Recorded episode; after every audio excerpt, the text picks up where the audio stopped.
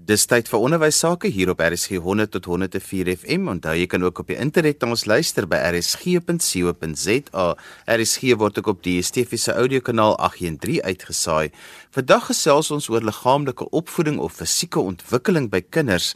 My eerste gas is Anso Himan en sy is 'n dosent by die Embry Instituut vir Hoër Onderwys. Anso, waarom is fisieke ontwikkeling so belangrik veral op skoolvlak? Johan, fisiese onderrig is die gom van die volgende vyf aspekte van 'n kind of leerder se lewe. Dit ondersteun fisiese ontwikkeling. Dink byvoorbeeld sterker bene en spiere. Daar's beter koördinasie en balans. Dit onderlê kommunikasie en taalontwikkeling. Ehm um, dink aksieruimpies wanneer die denkbeeldige middellyn gekruis word. Dit help ook met selfregulering en selfdissipline sodat ons goeie burgers van ons land kan wees. Dit bevorder kognitiewe ontwikkeling. Ons kan beter fokus en konsentreer. Dit onderlê sosiale en emosionele ontwikkeling. Leerders sal mekaar op die veld sê wat is sosiaal aanvaarbare en onaanvaarbare gedrag. En dit is hier op skoolvlak waar 'n liefde en positiewe gesindheid of kom ons sê ingesteldheid aangeleer kan word ten opsigte van fisiese oefeninge. Wanneer jy as leier betrek word by fisiese aktiwiteite op skoolvlak, kanse kry en geleenthede kry om deel te neem en betrek te word, dan ontwikkel jy vaardighede en dit help die leerder dan wanneer hy enige volwassene is om fisiese aktiwiteite as 'n leefstyl te kies omdat hy of sy wil en nie omdat dit in die skoolrooster is of iemand jou voorgesê het. Anso, hoe groot is die behoefte vir opgeleide liggaamlike opvoeders in Suid-Afrika op die oomblik? Ehm um, Johan, ek het die voorreg om by baie skole uit te kom en ek is objektief as ek sê daar is regtig 'n groot behoefte en dat dit eintlik op die einde van die dag oor die leerder gaan. En die volgende bevindinge is uh, van Discovery Vitality se uh, Healthy Active Kids in 2016 verkry. En dit sê Meer as die helfte van primêre leerders wat getoets is, het ondergemiddelde manipulerende vaardighede getoon. Nou 'n manipulerende vaardigheid is wanneer jy enige vorm van toerusting moet hanteer, byvoorbeeld jy met 'n bal kan gooi of vang of skop. En hierdie vaardighede moet nou aan die leerders gedemonstreer word. So die sleutelwoorde moet vir hulle gegee word sodat hulle weet wat is die proses om te volg. Visualiseer nou saam met my. Byvoorbeeld 'n een hand oor hand gooi. Jy staan sywaarts en kyk vir jou teiken. Maak 'n T-vorm met jou liggaam, so jy lig jou arm skouerhoogte sywaarts. Doen jy dit, Johan? Wieg die T, buig die elmboog en dan waarmee jy die bal vashou en dan bring jy die dominante hand verby naby die oor verby. Tree gelyktydig vorentoe met die dominante voet soos wat jy die bal laat gaan of vrylaat. En in die voorskoolse en grondslagfases kan die klaskamer onderwyser die liggaamlike opvoeder wees met die nodige blootstelling van die kort kursusse. Maar vir die intermediêre en sekondêre fases benodig jy 'n opgeleide liggaamlike onderwyser wat meer 'n uh, spesialis in sy veld is. So die kurrikulum vereistes is meer gespesialiseer met omdat daar nou gimnastiek en atletiek vaardighede gedemonstreer moet word en ook volgens Discovery se Healthy Active Kids sê hulle dat 50% van onderwysers het getoon dat hulle rol net eintlik die van toesighoudend is. So hulle maak seker die leerders kry nie seer nie en dat hulle nie baklei nie. En omdat die onderwyser nie behoorlik toegerus is vir die kurrikulum vereistes nie, lei die leerders eintlik daaronder. So dit kan ook nog beter gaan met Suid-Afrikaanse sport op nasionale en internasionale vlak as die leerders se basiese motoriese vaardighede goed vasgelê is in die in die beginstadiums van hulle skoolontwikkeling. Anso, hoekom is liggaamlike opvoeding in die begin van 1994 uit die kurrikulum uit verwyder? Ek weet hy's nou weer terug, maar daardie tyd was dit 'n hele periode gewees, maar nou is dit maar net 'n klein onderafdelingkie van 'n spesifieke leerarea. Ja, dit is deel van die lewensoriëntering as 'n module. Vir eers 'n bietjie konteks gee om jou vraag te antwoord. In die African Journal vir Liggaamlike Opvoeding, Gesondheid en Dans het Betoy en van der Merwe Rousseau die volgende gesê: "Die veranderde status van liggaamlike opvoeding, bedoelende om dit nou af te gradeer en uit te faseer en weer in te faseer, het dieselfde tendens gevolg as in ander ontwikkelende lande soos die Verenigde Volke en Verenigde Koninkryk. Ek dink ook dat die denkwyse van 1994 'n rol gespeel het. Miskien die denkwyse dat LO, musiek en godsdienstonderrig nie dieselfde status en gewig gedra het as die ander vakke nie. En dan moes daar besluite geneem geword het want daar's 'n begroting en uitkomsgebaseerde onderrig is ook ingefaseer en op daardie stadium was daar nie plek in die kurrikulum vir LO nie. Anso, hoe kan die moderne liggaamlike onderwyser dan nou hierdie gaping tussen digitale leerders se behoeftes en hulle fisiese behoeftes oorbrug? Want ons weet op die oomblik is dit 'n groot debat daaroor oor dat ons kinders nie genoegsaam beweeg nie en so 'n passiewe leefstyl het. Ehm um, sommige liggaamlike opvoeders gebruik tegnologie om meer dinamiese klasse aan te bied en dit is dit is ook 'n groot ehm um, motiveringsmiddel. En jy kan veral dit gebruik om fiksheidsvlakke te verhoog. Dink maar aan die pedometer of die stapteller. Dit is 'n maklike manier en die leerders kan dit al aan hulle skoene vasmaak om fisiese aktiwiteite te meet en hulle hou daarvan as hulle goeie afstand of tellings kry en hulle kan hulle eie progressie waarneem. Hartklopmonitors is nog 'n voorbeeld So 'n leerder se rustende hartklop of polsslag behoort tussen 60 en 90 polsslae per minuut te wees, terwyl dit moet kan styg tot 200 polsslae per minuut wanneer intense oefeninge gedoen word. So hierdie statistieke is insiggewend vir die leerder en help as 'n motiveringsmiddel. Pedometers en hartklop monitors maak dit ook moontlik vir die leerders om eienaarskap van hulle fisiese aktiwiteitsvlakke te kan neem. Dan is daar apps of chips wat deur middel van jou selfoon afgelaai kan word en jy kan dit ook inspann om byvoorbeeld grit of kardiovaskulêre oefeninge te doen. Dit is oefeninge soos om te hurk, opsitte, opstote, optrekke of skerspronge te doen en dit dan word dan aanhoudend met lewendige musiek gedoen vir so tussen 30 en 40 sekondes en dan is daar 'n kort ruspose tussenin. Dan is daar ook dansmusiek en video's beskikbaar waar leerders die bewegings kan volg deur te luister of te kyk. Wie speletjies is ook 'n motivering om aan die beweeg te bly. Wanneer die liggaamlike opvoeder hierdie tegnologie aanvaar en omhels, kan dit tot almal se voordeel wees meer kreatiwiteit en effektiewe gimnasium en veldomgewings kan geskep word. Maar dit is ook maklik om fisiese oefeninge te doen sonder enige tegnologie. Partykeer is dit net lekker om van al die tegnologie af weg te kom en tegnologie kan weer 'n ander vorm van druk op die leerder plaas om te presteer. So fisiese oefeninge behoort pret te wees en 'n stresontlaaier te wees en onderwysers en leerders moet kan lag tydens liggaamlike opvoedingsperiode. Anso, wat doen Embry in hierdie spasie vir die opleiding van liggaamlike opvoeders? Embry lei onderwysers op. So ons, toe ons hoor die liggaamlike opvoeding is terug in die skoolkurrikulum, het ons liggaamlike opvoeding in ons grondslag en intermediêre programme as modules ingewerk. In die grondslagfase neem studente in hulle derde jaar die liggaamlike opvoeding as 'n module.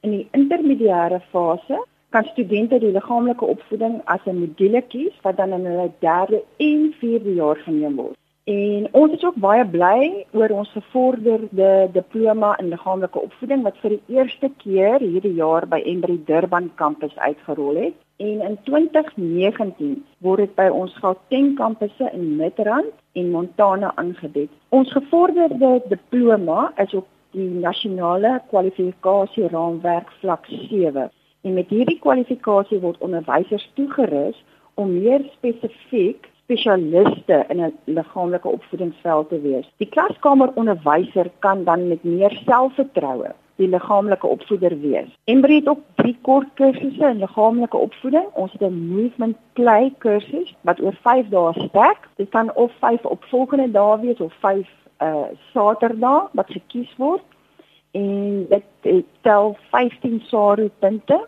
Die SARU staan vir Suid-Afrikaanse Raad vir Opvoeders. En in die grondslag en intermediêre fase het ons ook nog 'n 50 kursus wat 10 SARU punte met 10 SARU punte geakkrediteerd is. En dan het ons ook 'n 2 dag lesplan en assesseringskursus om die onderwyser met sy LO lesplanne te help. En ons liggaamlike departement by Embry is baie passief oor die bewusmaking opleiding van onderwysers in liggaamlike opvoeding. Ons glo as die onderwyser positief is teenoor fisiese aktiwiteite en meer toegerus kan word, gaan die leerders voordeel trek. En ons klem in die grondslagfase is dan ook om nie so kompeterend te wees nie, maar eerder die fokus te plaas op pret en baie lag en almal in te sluit. En die jong leerder is nog besig om liggaamlik en emosioneel te ontwikkel en daarom moet prestasie afgehaal word. Vaardighede is nog besig om te ontwikkel by die leerder en dit is 'n proses voordat die finale produk of uitkomste bereik word. Ons moet eerder woorde gebruik soos um, ons taal verander en sê pragtig, jy kry dit reg. Almal kyk vir jou. Hou so aan, hou jou balans, probeer weer en deur met ons speletjies en spel innoverend te wees sodat niemand uit moet sit nie. Net bietjie anders te dink en daardie leerders dan wat uit is volgens die tradisionele reëls nog steeds in te sluit en te ontneem aan deelname nie. En so glo ons dat ehm um, as jy 'n meer positiewe gesindheid kweek, eh uh, sal ons liggaamlike opvoeding kan bevorder in in ons land en uiteindelik 'n liefde daarvoor ontwikkel. Ansoos mense meer inligting wil hê, hoe kan hulle kontak maak? Hulle kan ons hier by Embry kontak. Ons is www.embry www.ac.za. En so gesels aan so Himan en sy se dosent by die Embry Instituut vir Hoër Onderwys. As jy sopas ingeskakel het, jy luister na ons in die onderwys op RSG 100 tot 104 FM. Onthou jy kan ook op die internet na ons luister by rsg.co.za. RSG word ook op DSTV se audiokanaal 813 uitgesaai. Ons gesels vandag oor fisieke ontwikkeling by kinders en onthou jy kan weer na vandag se program luister as 'n potgooi. Laat dit af by rsg.co.za. Volgende gesels ek met George Hubert. George, vertel eers vir ons jou verhandeling, waaroor het dit gegaan? Ehm um, Johan, ek het gekyk na wat is die invloed van groot motoriese ontwikkelingsprogramme op die lewens van gemarginaliseerde landelike multigraadleerders ehm um, in die Wes-Kaap. So in eenvoudige Afrikaans, wat is die invloed van beweging op arm kinders? George, verduidelik vir ons in eenvoudige taal waaroor hierdie verhandeling gegaan het en hoe jy te werk gegaan het om hierdie navorsing te doen ek dink dit is belangrik om eersins te verstaan dat die eerste 7 jaar van 'n kind se lewe is 'n baie kritieke tydperk vir ontwikkeling omdat die meeste basiese motoriese vaardighede dan ontwikkel. Dit dien as 'n basis vir latere sosiale, emosionele, kognitiewe, fynmotoriese en skolastiese ontwikkeling. Um gedurende hierdie tydperk is daar sekere geleentheidsvensters waar tydens kinders meer vatbaar is vir stimulasie. Um en wat krities is vir die optimale vaardigheidsontwikkeling. Ehm um, so daar's twee navorsingsvrae wat ek graag wou beantwoord het. So die eerste een is wat is die fisieke veranderings wat kinders ondergaan as hulle blootgestel word aan 'n groot motoriese ontwikkelingsprogram? En dan tweedens, wat is die motiverings of selfbeeldveranderings wat waargeneem kan word as kinders in 'n groot motoriese ontwikkelingsprogram volg? So wat ek toe gedoen het is ons het sewe skole geïdentifiseer um, in die drie onderwysdistrikte wat aan die Wes-Kaap of aan die Kaapse metropool grens. So dit is Weskus, Wynland en die Oeverberg um, onderwysdistrikte. So die geografiese verspreiding is nogals wyd. Ehm um, dis van Klein Willem en die lemoenbome tot by Grabouw en dan Dorpie, Ceres, Wellington en Redling. Hy het ek oral skole gehad. So hierdie skole moes aan die volgende eienskappe ehm um, voldoen. Hulle moes 'n landelike skool wees. Ehm um, daar moet 'n element van multigraad in wees. So multigraad is waar een onderwyser meer as een klas bedien. Ehm um, en dan moet die skole minder as 100 leerders gewees het. Ehm um, en dan moet die skool ook bereid gewees het om hierdie program te wil volg. So wat ons toe gedoen het, ons het 'n basislyn studie gedoen in elkeen van hierdie sewe skole om die motoriese komposisie te bepaal. Ehm um, so ons het omtrent 500 leerders getoets ehm um, in graad 4 en 5. Die ouderdomsverspreiding was redelik groot van 9 jaar tot tot en met 16 jaar. En dan was daar elemente van mongolisme, fetale alkoholsindroom en nou baie ander sosiale komplekse. Ehm um, die volgende stap was nou om hierdie basislyn studie te ontleed en te, te bepaal watter tipe program of model ons moet ontwikkel Um, ons het toe besluit dat die ideale program moet aan die volgende eienskappe of moet die volgende eienskappe aanspreek. So in die eerste plek, ehm um, die meeste van hierdie skole het omtrent geen apparaat gehad nie. Ehm um, hulle het minimale fasiliteite gehad, of sportfasiliteite, bewegingsfasiliteite. Uh minimale bewegingsaktiwiteite was by die skool um, teenwoordig.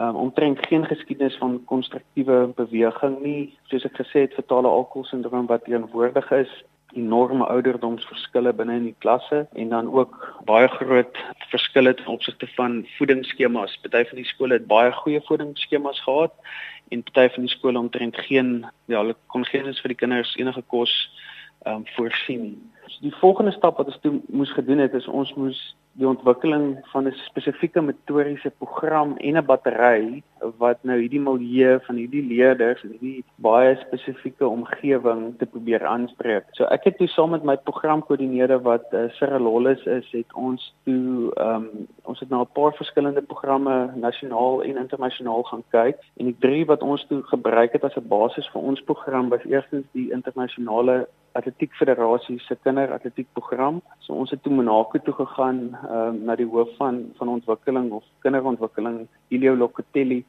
en uh, ons het gaan kyk wat hulle doen. Dis die grootste motoriese ontwikkelingsprogram in die wêreld. So ons het daarna gaan kyk en het ons ook gaan kyk na die nasionale voetballiga of die NFL, die Amerikaanse voetbal. Hulle het 'n fitness gram program in in Dallas, Texas wat ons ook na gekyk het. Ehm um, en dan die guru van Suid-Afrikaanse fiksheidsevaluering Jap Nel of die die ehm um, die kundige Jap Nel. Ons het na sy programme ook gaan kyk en ons het toe 'n program saamgestel wat hierdie milieu van ons kinders en ons omgewing te probeer aanspreek. Hierdie program is nou gesamentlik ontwikkel uh, met apparaat wat spesifiek saamgevoeg is om die groot en klein motoriese agterstande te verbeter. Een van ons probleme was die tekort aan apparaat en fasiliteite by die skool en wat ons toe gedoen het, ons het toe 'n mobiele oefen stelsel ontwikkel wat alles hardloop uit 'n groot swart drom of 'n wheelie bin. So hierdie bin of wheelie bin het dan 'n verskeidenheid apparate aan die binnekant. Dis dis mobiel. Die onderwyser kan dit baie maklik ehm um, kan hy dit rondbeweeg in sy klas, hy kan dit stoor. Ehm um, en die meeste van die skole het nie ehm um, sportvelde nie. So dit hierdie ding moet dan of hierdie wheelie bin moet dan getrek word na ergens waar oop stukkie grond is wat mense aan die program hardloop. Ehm um, die program is dan aangebied deur koördineerders wat in elkeen van die skole aangestel is. Ehm um, hierdie koördineerders kom uit die uit die skoolomgewing of, of uit die skoolmilieu. Hulle verstaan die leerders en hulle verstaan ook die hartklop van die gemeenskap. Hulle is opgelei deur my um, en ook deur deur Sigge Lolles. So ons het hulle gereeld Wellington toe gebring wat ons hulle opgelei het en 'n verskeidenheid kursusse met hulle gedoen om seker te maak dat hulle die program wat ons ontwikkel het verstaan. En dan het ons gereeld het ons nou hulle gaan besoek. So dit was nogals omtrent 'n uh, 'n gereierery om by al die skole uit te kom. Ehm um, en dan ook gereeld Skype onderhoude um, en ook moniteringsprogramme wat ons dan gevolg het. So die program het vir 18 maande het hy geloop. Ehm um, ons het begin met 'n basislyn toets en toe 'n tussentoets en toe 'n eindtoets. So ons motoriese komposisie het het verander van net onder die 30% tot amper 60% in 'n 18 maande periode. Ehm um, wat ons ook gedoen het, ons het net gekyk na wat is die maatstaf of min of meer waar lê die kinders in opsigte van akademiese oriëntasie met die res van Suid-Afrika. Ehm um, so die enigste toets wat wat ons kon gebruik het was die was die ANA toetse wat ehm um, wat baie wat baie mense nie baie goeie dinge sê oor die ANA toets nie veral met uh, spol wat 'n uh, wat 'n ou is wat baie navorsing oor die oor die ANA toetse gedoen het. Maar ons het ons het bevind dat ons die kinders wat ons mee werk lê omtrent heel onder op die spektrum ten opsigte van geletterdheid en gesyferdheid. Hulle gemiddelde geletterdheid toe ons met hulle begin het was omtrent 25% en die gesyferdheid 20%. Ehm um, en dan was 'n baie reeks observasies onderhoude ehm um, en joernale ook ehm um, ook na gekyk. So George, wat was julle bevindinge? Maak hierdie oefeninge en motoriese ontwikkelinge verskil aan kinders vir hulle selfbeeld maar ook in hulle akademiese prestasie? Ehm um, ek ek dink Johanni die die die groot ding wat wat wat ons ehm um, gevind het is dat mense kan nie wegkom van die sosio-ekonomiese status waarin die meeste Suid-Afrikaanse landelike leerders hulle self bevind nie. Ehm um, die bekende Amerikaanse skrywer Eric Jensen sê dat armoede 'n siekte. So ek dink nie ons kan wegkom van dit af nie. So die ek hou van suksesstories en mense moet mense moet probeer kyk na suksesstories en ons 'n klomp projekte oor die wêreld waar daar groot suksesse was. Ehm um, en ons ons het gekyk na die na die River projek in Indië en ook na die Esco Nova projek in Kolumbie en probeer om ons program te grond op dit. Ehm um, so die die, die fokus van daai twee groot programme is dat die gemeenskap is die kern van opvoeding. En Venter het baie navorsing gedoen oor um, homogene ouer gemeenskappe. En een van die goedes wat ons ook na gekyk het in ons basislyn studie is nou homogene ouer pare. En ons het in in twee van ons sewe skole het ons gevind dat daar is kinders of die dat die hele skool ehm um, nie 'n uh, homogene ma en pa het nie. So hulle bly of by 'n ouma of by 'n oupa en nie by homogene ma en pa nie. So die die ouer gemeenskap is ongelooflik belangrik. Ehm um, maar een van ons van ons groot sukses verhale is 'n klein skooltjie ehm um, wat net buite Wellington is. Ehm um, die skool is ongelukkig het nou toegemaak as gevolg van sy getalle. Ehm um, 70 leerders in die skool. Ehm um, ons het ehm um, ons te koördineerder aangestel Pieter Koopman. Uh, Pieter was 'n provinsiale langafstand atleet tesame met sy skoolhoof met Jerry Swart en hulle het enorme motivasie, ek dink groot gevoel van motivering binne die, die kinders ehm um, bewerkstellig. En wat veroorsaak het dat dat uit 70 leerders was daar sewe van hulle wat provinsiale klere in in landloop ehm um, gekry het.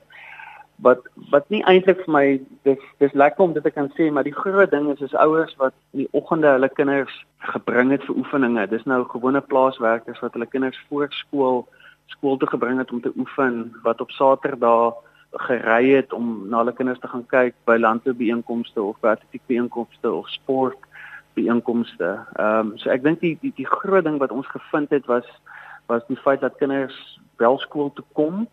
Ehm um, en dan ook grootendeels dat ehm um, dat daar 'n groot mate van motiveringsverbetering was by die meeste van die leerders. Dit net so in kort, hoe kan skole hierdie nou gebruik en wat moet nou verder gebeur? Ek dink Eerstens moet ons bepaal watse tipe van volwassenes wil ons ontwikkel deur middel van ons opvoedkundige stelsel. Ehm um, dan tweedens dink ek ons moet erken dat die effek wat armoede het op die siege van kinders. Ek dink beweging is integraal of moet integraal geïnkorporeer word binne die kurrikulum veral in die grondslagfase en dan as 'n vak op sy eie funksioneer in die intermediêre of die senior fase.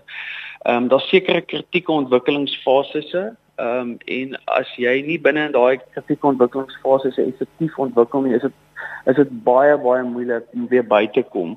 So bewegingsvaardighede vorm die fondasie van leer. Ehm um, hierdie vaardighede is ook die grondslag van meer komplekse bewegingsvaardighede wat later nodig is ehm um, vir sosiale interaksie. So dis ongelooflik belangrik.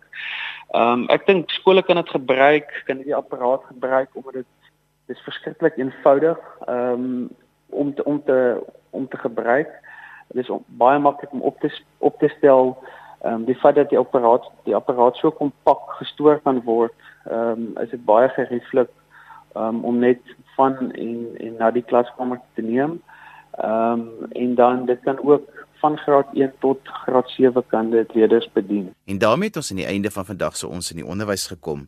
Ons het vandag gesels oor fisieke ontwikkeling by kinders. Onthou jy kan weer na vandag se program luister as 'n potgooi. Laat dit af by resg.co.za. daarmee groet ek dan vir vandag tot volgende week van my Johan van Lille. Totsiens.